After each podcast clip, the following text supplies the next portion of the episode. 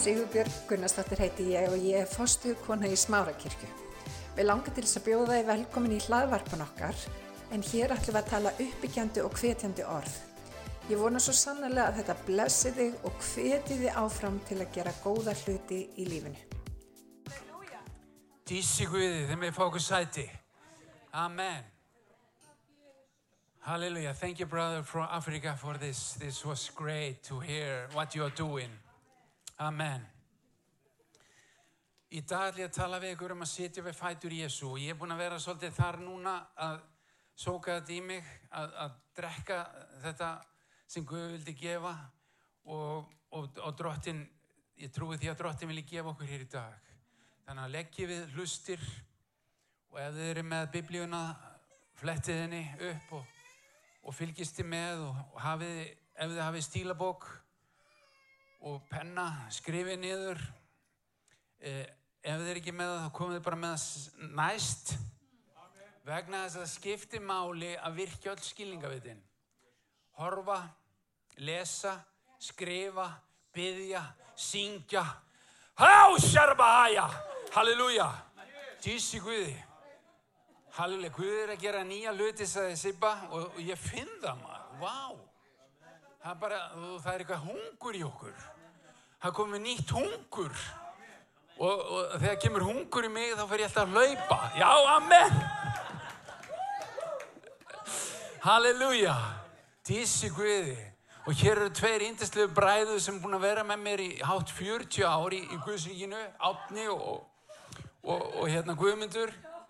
Og þeir eru heldur betur hlaup á stað þegar Andi Guðs starfar maður. Vá, ég elska það. Halleluja. En ég ætla að tala um þetta að sitja við fætur Jésu og við ætlum að byrja bara í Betaníu, þorpi sem var þrjá kilómetra austan við Jérúsalem og sískinnim byggu Marta, Marí og Lazarus. Og Jésu kom mjög oft til þeirra og, og hérna nöyð þeirra gestrisni. Þau voru gestrisinn og við eigum að vera gestrisinn. Og þau sem sagt opnuði heimili sitt og þau elduðu mat og þau sátu við fætur Jésu. Það var ekki bara Marja en það var, það var líka Marta en, en hérna við, við horfum svolítið á þetta stillum svolítið upp Marta vs. Marja en það er ekki þannig.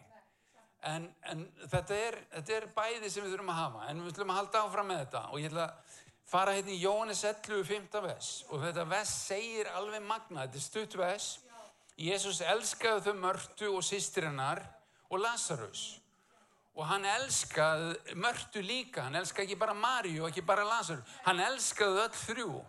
Og þetta var ekki bara svona fíljó kjallegur eða vináttu kjallegur, þetta var agapi kjallegur, þetta var æðstasti kjallegans og það sjáum við í frumtekstunum og svo þegar við sjáum að, takk fyrir bróðir, þegar við sjáum að Lazarus deyr Við sjáum þetta í Jóhannes 11, hann deyr, hann fær sót, hann deyr, Jésu flýtir sér ekki á staðinn, þegar kallaðir í hann, heldur býður hann í tvo daga og svo kemur hann og þá er hann búin að vera dáinn í fjóra daga. Og síðan þegar hann kemur og þá fréttir Marja, nei Marta, að hann er kominn og áður hann er kominn á húsinu þá leipur hún út og, og að hannum og hún sem sagt segir hérna í vessi 21, drottin ef þú hefði verið hér þá væri bróðið minn ekki dáinn. Og svo heldur hún áfram, en einni veit ég að Guð mun gefa þér hvað sem þú byður um. Hún þekkti sannleikan. Og, og Jésús segi við hana, bróð þinn mun upprýsa. Og Marta segi þá, ég veit hann rýs upp í upprýsinu á efsta degi. Og þá segir Jésús þetta, ég er upprýsinu að lifið, ég stend þetta bara fyrir fram að þig, í dag. Og sá sem trúur á mig mun lifa þótt hann degi. Og hver sem trúi, lifir og trúur á mig mun aldrei eilífu deyja. Trúið þú þessu? Og hún segir við hann, já drottin, ég trú að þú ert Kristus, sonu Guðs, sem koma skal í heiminn. Mar Marta þekkti sannleikan. Hún var alveg með kenningarnar á hreinu. Hún var, alveg búin að hlusta á Jésu og vita hvað hva hann var með. En hún var alltaf með hennan, hennan trú og von var alltaf í framtíðinni hún var að fresta, hún var með frestunar áráttu og Guð er að leggja áherslu á það það er bara komið tími til að við hættum að fresta hlutunum nú er komið tími til að við Við bara segjum í nú er hjálparæðistíð. Í dag ætla ég að fara að þjóna Guði. Í dag ætla ég að fara að byggja. Í dag ætla ég að fara að fasta. Í dag ætla ég að fara að gefa skuði. Í dag, ekki að morgun, ekki í næsta mánuði. Halleluja. Hún var alveg með þetta og hreinu allt saman en hún var alltaf að tala um í framtíðinni, þá mun þetta gerast. Hann mun rísu búin á efsta degi, ég veit það. Haha, en það er bara núna. Halleluja. Og síðan, hérna fór hún og kallaði á Maríu og, og saði við hana, mistur hann hér og hann vil finna þig. Og Marja skauðst á fætur og, og, og hljópi áttina til hans og þegar hún kemur til hans þá segir hún nákvæmlega sömu orð nema hún fellur við fætur hans og tekur utan um fætur hans og er þar grátandi. Og hún segir ef þú hefði verið hér drottinn þá hefði hann bróðið minn ekki við dáið. Hún segir bara nákvæmlega sama og Marta en hvað gerðist? það er eitthvað sem snerti Jésu þá. Og hann byrja að gráta líka. Hann snertist og hvað gerðan hann fór og reist hann upp hvaða átti Marja akkur átti hún þennan þessa tengingu við hjartans við fáum bara þessa tengingu í bæninni. Og veitir hvað bestu stundirna mínar hafi verið og því ég sé mesta vitranir engla og ég sé drottin sjálfan það því ég er að byggja því ég er bara grenjandi á njánum ykkur staðar. Skilur þau, ekkert merkileg stund. Engin lofgjör búin að vera einsinni bara fáir á bænastund. Eða ég bleitt heima á bænastund þá gerast hlutin vitið það? Við þurfum að tengja hjart okkur við hjarta hans. Halleluja, við sjáum Maríu frá Betaníu. Það, það eru marga Maríur og ég bara tala um Maríu frá Betaníu. Og hún er aðeins þrísessunum nefnd á nafni í rítningunum í Lukas 10 og Jóhannes 11 og 12 og hún er alltaf við fætur Jésu og þetta eina sem hún segir drottin ef þú hefði verið hér þá væri bróðum minn ekki dáin hún fær ekkert annað að segja það en samt hefur hún svo mikið væg að því hún átti einhvern aðganga hjarta Guðs. Halleluja. Þetta er svo magnað hvernig þetta er. Halleluja. Og Jésús hann greitt, hann var djúst nártinn vegna þess að, að hún átti sérstakka tengingu við hjarta hans. Halleluja. Og þi, síðan fer Jésu að gröfinni og, og hann segir, tæki steinu frá. Og þá er Marta komin aftur. Og hún, drottinn, það er komið nálikt á hannum, það er komið á fjórða dag. Hún var ekki tilbúin í kraftverk í dag. Hún vildi fresta hlutunum. Þú veist, vantrúinn var komin að það en samt saðan hann elskaði hana og hann var ekkert hann elskaði Marju, hann elskaði Mörtu hann elskaði Lazarus Amen, munið það. Og Jésús segi við hana sagði ég þér ekki, ef þú trúir þá myndu sjá dýrguðs viljum við sjá dýrguðs ykkur dag? Halleluja. Við þurfum á dýrguðs að halda til þess að breytast. Við förum ekki í eitthvað A-program eða eitthvað reglugerð eða eitthvað lögmálsdýrkun eða hvað sem það er til að reyna að vera góður og betri og, og laga okkur og námskeið og ég veit ekki hvað og hvað. Við þurfum bara að dýrka Guðs. Það er eina sem getur breytt okkur. Þegar við nærvera Guðs kemur niður þá verðum við aldrei eins. Halleluja. Og ég er personlega reynsla af þessu. Halleluja. Þegar nærvera Guðs kemur, þegar drottin kemur og snertir mann þá verður maður alveg eins og Marja, maður er bara alltaf við fætu drottins. Þetta skiptir máli. Halleluja. Amen. Dísi Guði og svo í Lukas 10 að þá segir í vessi 38 að þá kemur Jésu til hérna Betaníu og hann, hún er með bóði heim. Marta bauð honum heim og hún átti stórt hjarta og Jésu elska hana. Og svo segir hérna í Vessi 39, hún átti sýstur er Marja hétt og settist hún við fæti drottins og hlíti orðans. Og e, þannig að íslenska þýðingin, hún missir eitt lítið smá orðan út sem heitir kæ á grísku, sem að þýðir líka.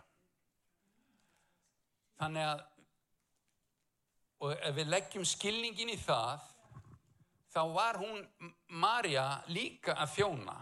Hún var líka að sörfa til börns, hún var líka að undirbúa matinn, en þarna valdi hún að sitja við fætur hans. Og Marta í þessu samengi, hún var líka, hún hafði líka verið við fætur drottins. En þarna akkurat er hún þarna og er við fæturnar og þá segir þarna áfram og Marja, hún laði allan huga og veita sem mesta þjónustu. Hvað er þjónustan í rauðinni? Fyrst drottin, svo kemur þjónustan, skilur þau. Og hún gekk til hans og mælti, hún, hún bara, þú veist, hún gæti ekki hamið sig. Drottin, heyrðu þú eigi um það að sýsti mín lætu mig eina um að þjóna gestum. Segð henni að hjálpa mér. En drottin svarar henni, ekki með höstuleika eða einhverju reyði, heldur með kjallega. Og það er svo flott hvernig hann segir þetta, Marta, Marta, þú ert ávikið full og mæðist í mörgu, en eitt er nöysunlegt. Og Marja valdi góða hlutskiptið og það verður ekki frá henni tekið. Og hugsaði þér, hún er öruglega að sé svo eftir þessu, óh, oh, ég hljóp hann á mig og hún var með allan huga með umstangi í kringum Jésu All, allt sjóið sem er og allt það sem er umbúðunar og við, við dettum oft í þetta og þá verðum við ávikið full og við missum trúna það kemur einn vantrú og svo framvegis. Við förum í sagt, ákveðna vörn. Hún er ekki að hjálpa mér skilur þú þetta er bara þeim að kenna. Og og hún talaði með þess að við Jésu eins og Marja væri ekki að það hún var alveg bara að hafna henni og, og lítisvirt hana í raun og veru. Og, og síðan var svona örvending og hún reynda að stjórna ástandinu hún reynda að hafa áhrif og stjórna Jésu segð henni að hjálpa mér skilur þau og og þannig að þessi, þegar hún var svona annars hugar við að fjóna að þá leta hann á annar stað sem að var ekki góður. Og hún, hún sér það þegar Jésu tala til hennar í kjallega og hann, hann ofinverðar raun og veru ástand hjartennar hvernig hún er en hann, hann er ekki hann er ekki reyðuð hana. Hann elskar hana. Og hann, hann alveg, þetta er svo indislegt hvernig hann höndlar hana.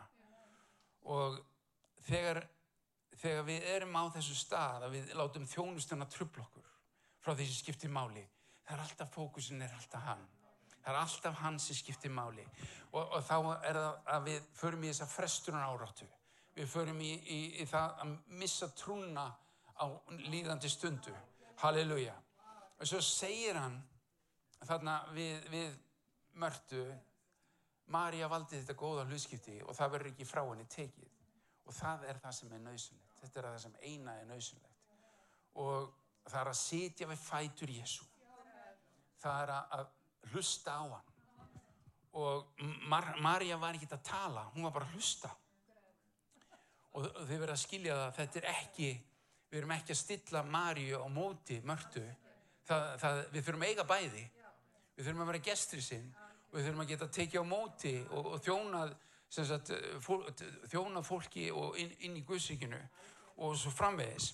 En við þurfum bara alltaf að setja þetta fyrst. Marja þarf alltaf að vera fyrst. Þetta er eðli Marju og uh, Úraba Sjandraba Kurubu Sjandraba Haja þannig að hvert og eitt okkar þarf að vera Marja og Marta Halleluja.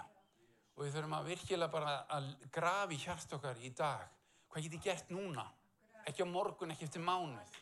Hvað get ég gert til þess að fara inn í það sem skiptir máli í dag? Halleluja. Dísi Guði.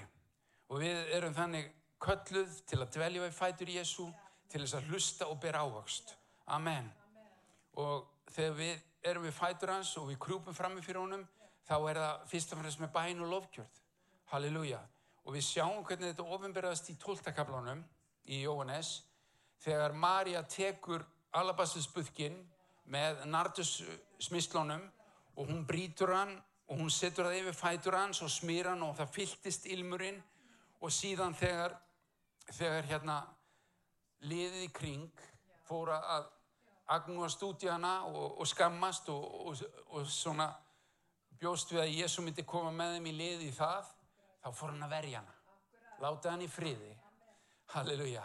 Hún hefur geimt þetta til grefturna dags míns. Halleluja. Og það er svo magna hvernig að það var. Þannig að ég hugsaði, ok, er Marja einan þeim fáum sem skildu hvað var í gangi? Vegna svona átti tengingu við hjarta Guðs. Halleluja. Ég veit ekki hvernig þið bænalíf ykkar er, en hafið þið fengið tengingu eins og naflastrengu hjarta Guðs alveg bara svona, við ykkar hjarta. Og skilið Guð, skiliður, og, bara, og fengið að heyra eins og download bara algjörlega hvað er í gangi. Halleluja. Þetta það skiptir máli. Þangað ég var sækjast. Ef við getum komist þangað út úr þeim grunni, þá getur þjónustan orðið stór. Amen. Og rétt. Halleluja. Þannig að hún hefur geimt þetta til grefturinn á dags míns. Þannig að hún átti ykkur ofinbjörun hvað var að fara að gerast og þetta var bara 60 fyrir páska.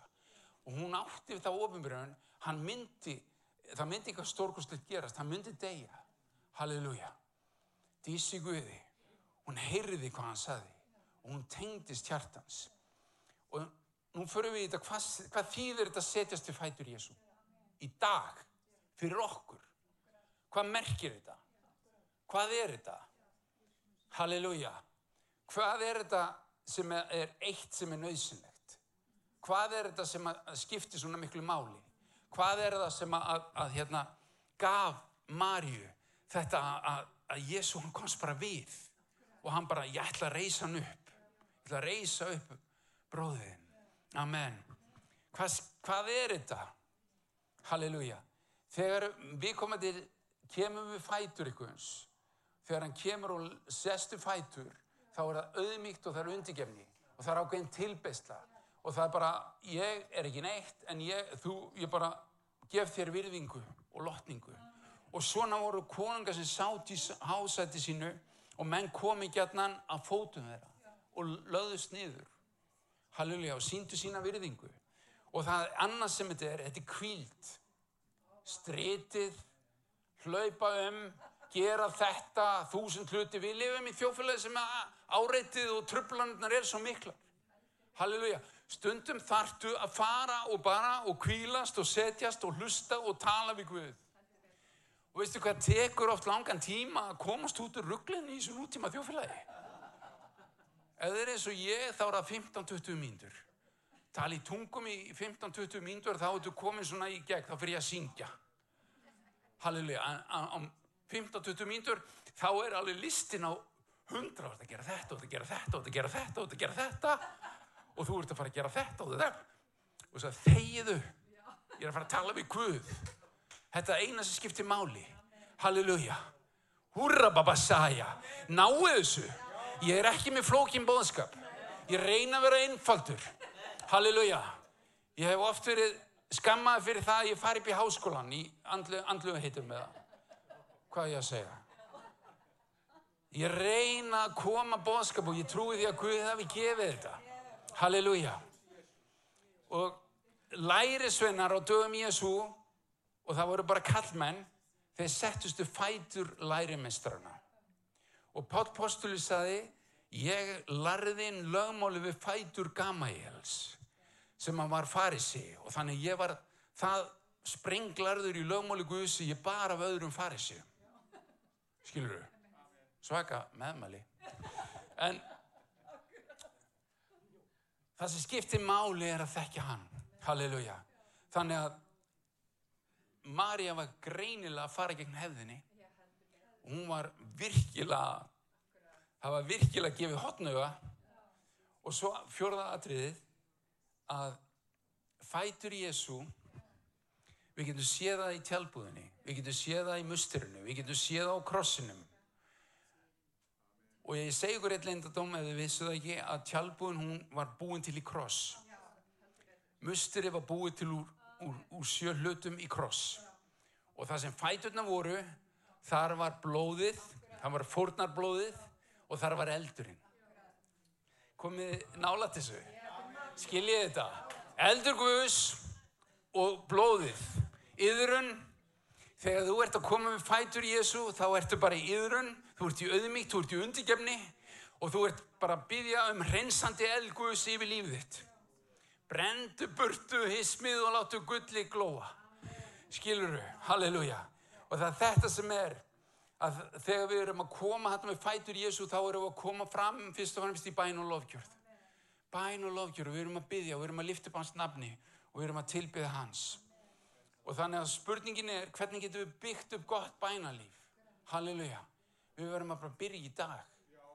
Og þú byrja bara með kannski fimm myndum. Halleluja.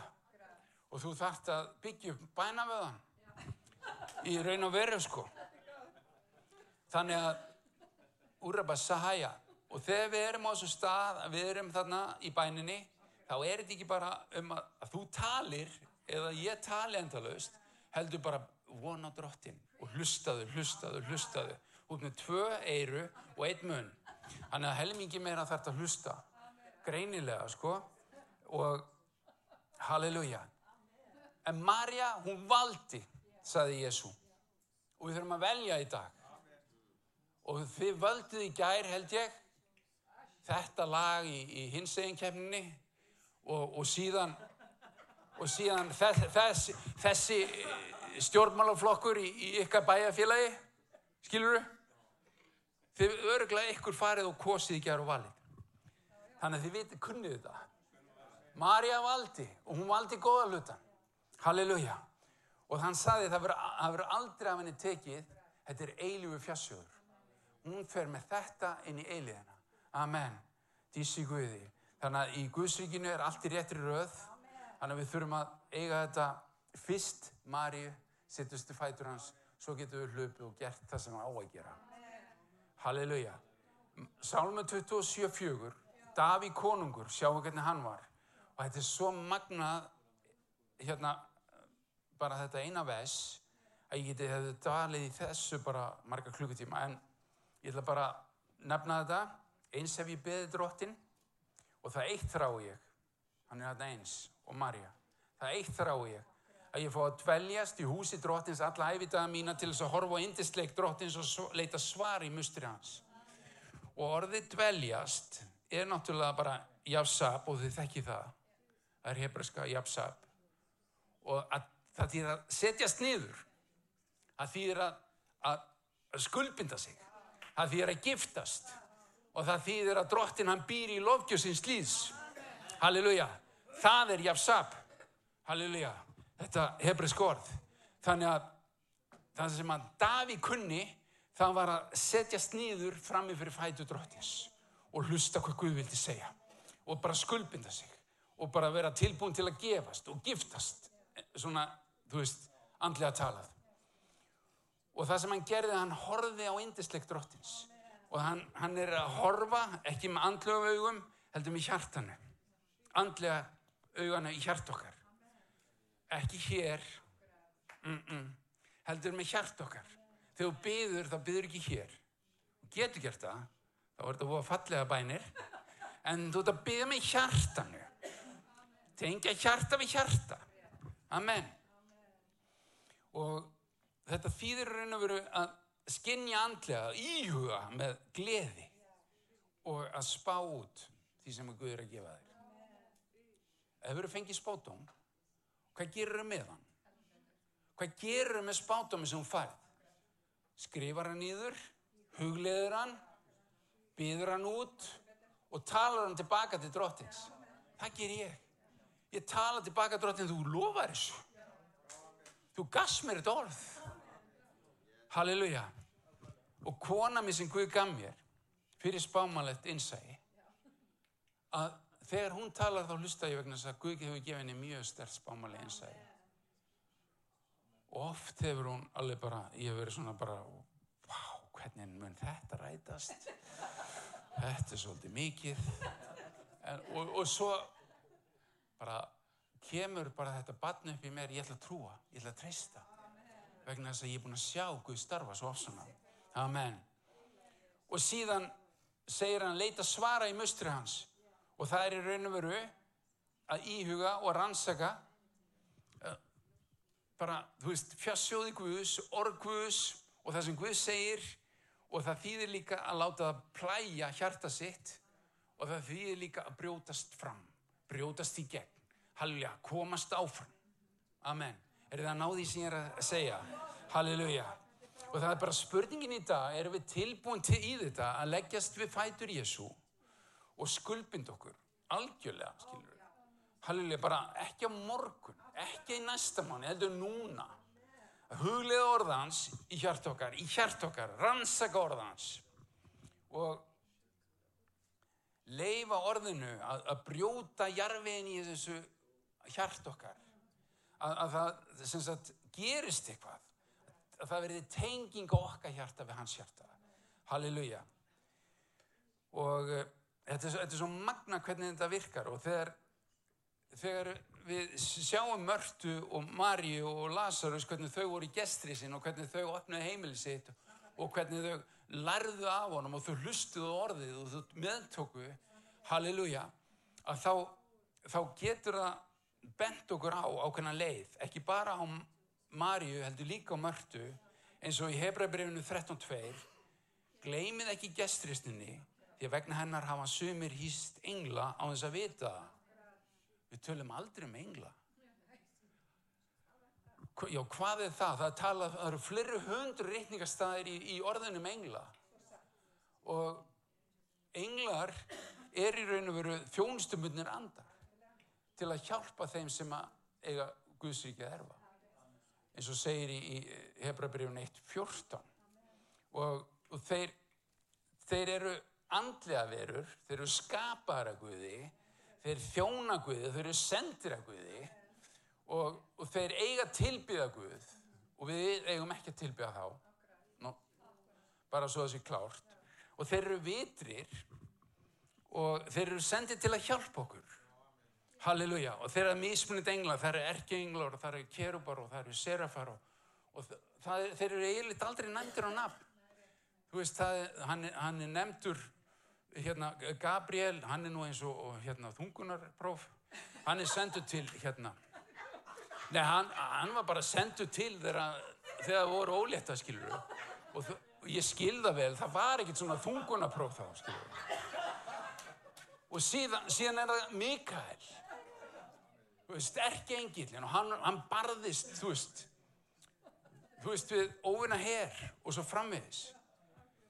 Og svo kannski þekkjum við hérna Lucifer nafnið sem að var engill, ljósbyrinn sem að átti að opna fyrir dýrguðs og, og lofgjörðina og svo fjallan, hann afmennaðist þannig að þeir geta verið á rangri hlið og síðan fjallan og hann var satan og hann var djöfull, hann var höggormur og dregi hann var sem sagt með annað eðli og eftir það þá var hann ekki kallað að Lucifer heldur við sjáum hann sem satan eða djöfull eða höggormur eða drega vismunandi eðli eða tignir eða völd eða heimstráttna þessa myrkus eða andaveri vonskunni í himningimnum eða átvarkur, jarvarkur, nagar og flýsjari. Þú veist, hann er bara eigðileggingar afl. En hann er samt ekki neitt. Hann er bara, pff, við þurfum ekki að eigða púður á hann. Bara fókusur á Jésu, lift upp nafni drottins og, og nafni mun sigran. Hann al, og hann er þegar sigraður. Amen. Og þetta eru englar eru sterkar verur sem ferðast eins og vindurinn og er eins og eldslógar og ofnbærast oft sem eldur. En bussi frá því, þá finnst mér það aðal merkilega við þá að þeir tengjast mjög stert bæn og lofgjörð. Og bæn og lofgjörð er eins og síjamst tvíburar. Þú veist, þetta er bara óaskiljanlegt. Og við sjáum í óbrarabokkinni fjóðakabla þegar Jóhannes er í andonum á einni pappmós og hann fer upp í heiminin og hann fara að sjá þetta heimniska, hann fara að sjá hásætti Guðs. Hann fara að sjá rebbóan í kringum hásætti Guðs.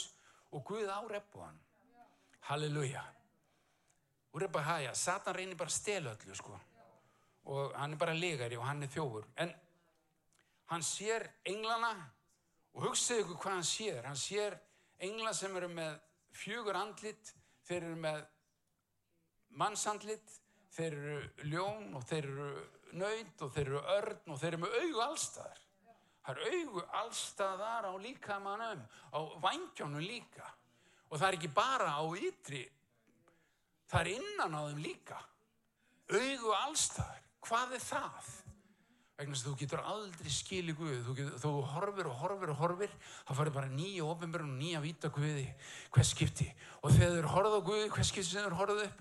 Heilagur, heilagur, heilagur. Þá kom alltaf heilagur, heilagur, heilagur. Og þegar Guð er að segja eitthvað í orðið sínu, þá streika hann ekki undir, heldur það hann tvísarsinnum, sannarlega, sannarlega, þá segi ég ykkur þetta. En tvísarsinnum er þrjú upprópun notuð, það er þarna í ofrannabókinni, heilagur, heilagur, heilagur og Jésaja 6. Halleluja. Og hugsaðu ykkur hvað hann notar, hann notar þetta, heilagur, heilagur, heilagur. Amen. Og svo sjáum við áfram í ofrannabókinna þeir eru þarna með hörpur og þeir eru með guldskalar og þeir eru fullar reykjelsi og þeir segja mér þess að það eru bænir en að heilugu, þessi reykjelsi. Og síðan þegar innsikli, sjönda innsiklið er leist, að þá er það sem að drottin tekur allar þessar bænir, hann lætur engil, engilsinn taka alla bænirnar sem er í reykilsis gullkerinu, halleluja, og hann bæti við það, hann markvaldar það, halleluja, og svo segja nú komið tíminn, styrta þessi tilbaka á jörðina, halleluja, hvað gerist þá? Halleluja, þegar það kemur tilbaka, það verður þrjumur, það verður dönur, það verður eldingar og það verður jarðskjálti. Halleluja. Og það það sem að mér finnst svo frábært. Við getum hort á endatíman og sagt, ú, þetta er bara 21 dómur og ú, svakalegt. En ég sé þetta góða og þetta þessa blessun sem er að koma yfir heimsbyðina fyrir hérna kristnu. Halleluja. Dísi Guði. Úrra babasæja og við sjáum síðan ég er að lokum að í Jesa 6 þar sem að Jesa sér drottin sitja á hásætti sínu og hann sér serafana, hann sér ekki englana sem er að lofa Guð og rópa heilagur, heilagur, heilagur er drottin allserjar og öll jörðinni fulla hans tíð. Og undirstöður þröskuldana skulfu og húsi var fullt að reik halleluja. Og hann segir það vei mér, það er út um mig því að ég er maður sem hefur óhreina varir. Halleluja. Og hann fær þá einn engilinn, drottin fær þá einn engilinn til að fara með hann til eld af altarinu og snerta varans og leið og hann snertir eld, eldurinn snertir varans halleluja. Og hann segir þetta við hann. Sjá þetta hefur snorti variðinar miskjur þín í burttekin og fjallat fríðþægt er fyrir síntína þá segir ég segja þá heyrði ég raust drottins. Þá heyrði ég raust drottins. Og hann saði hvert skal ég senda? Hver vil vera erindriki vor? Og hann saði hér ég sendu mig. Halleluja. Dísi Guði það var ekkit svona setna það var ekkit, ekkit engin frestun. Það var, það var engin hindrun. Það var bara, ég var tilbúin halleluja, Guði við vitja mín. Ég er búin að koma við fætur drottins og hann við vitja mín. Halleluja.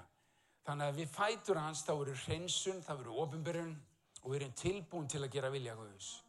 Úr að bara sjája þannig að Guð gef okkur dag, í dag ná til þess að vera eins og Marja sem snerti hjarta Jésu og dýr Guðs ofinbyrjaðist halleluja. Þannig að þegar við komumst á þann stað að vera ekki lengur frestun í líf okkar. Við verðum ekki með þessa frestun áróttu við erum ekki með þessa vantrú, heldur við erum bara með núna er tímin. Núna er tímin. Halleluja. Og ég segi það er ykkur umskipti í andrúrslöftinu í dag. Það er eitthvað nýtt að fara að gerast og það Guð er eins og að kalla fram þetta hungur í okkur. Hennan þosta eftir honum. Hann er að kalla fram sína marjur til þess að setjast til fætur hans, til að draga fram hann nýja hluti. Halleluja. Það sem að við snertum hjartans á sérstakann átt. Halleluja. Og það fara ómullu hlutir að gerast. Þegar hjart okkar er þarna í bæninni og það sér eitthvað og það trúir og við komum með það og varir okkar, við játum sannleikan sem Guð hefur gefið okkur, þá kemur alltaf frá Guði trúar kraftur til þess að framkvæma. Til þess að framkvæma og það leysist eitthvað fram. Náðu þessu. Halleluja. Það er þetta sem er að fara að gerast. Guð er að vekja okkur upp. Hann er að kalla okkur til á nýjan stað hjá sér. Amen.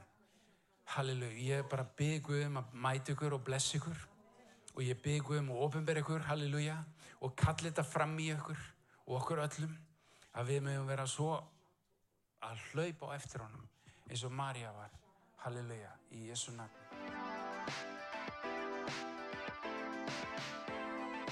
Ég hveti til þess að stilla inn á okkur með reglum hætti því að hér verður alltaf eitthvað nýtt á nálinni. Takk fyrir að hlusta.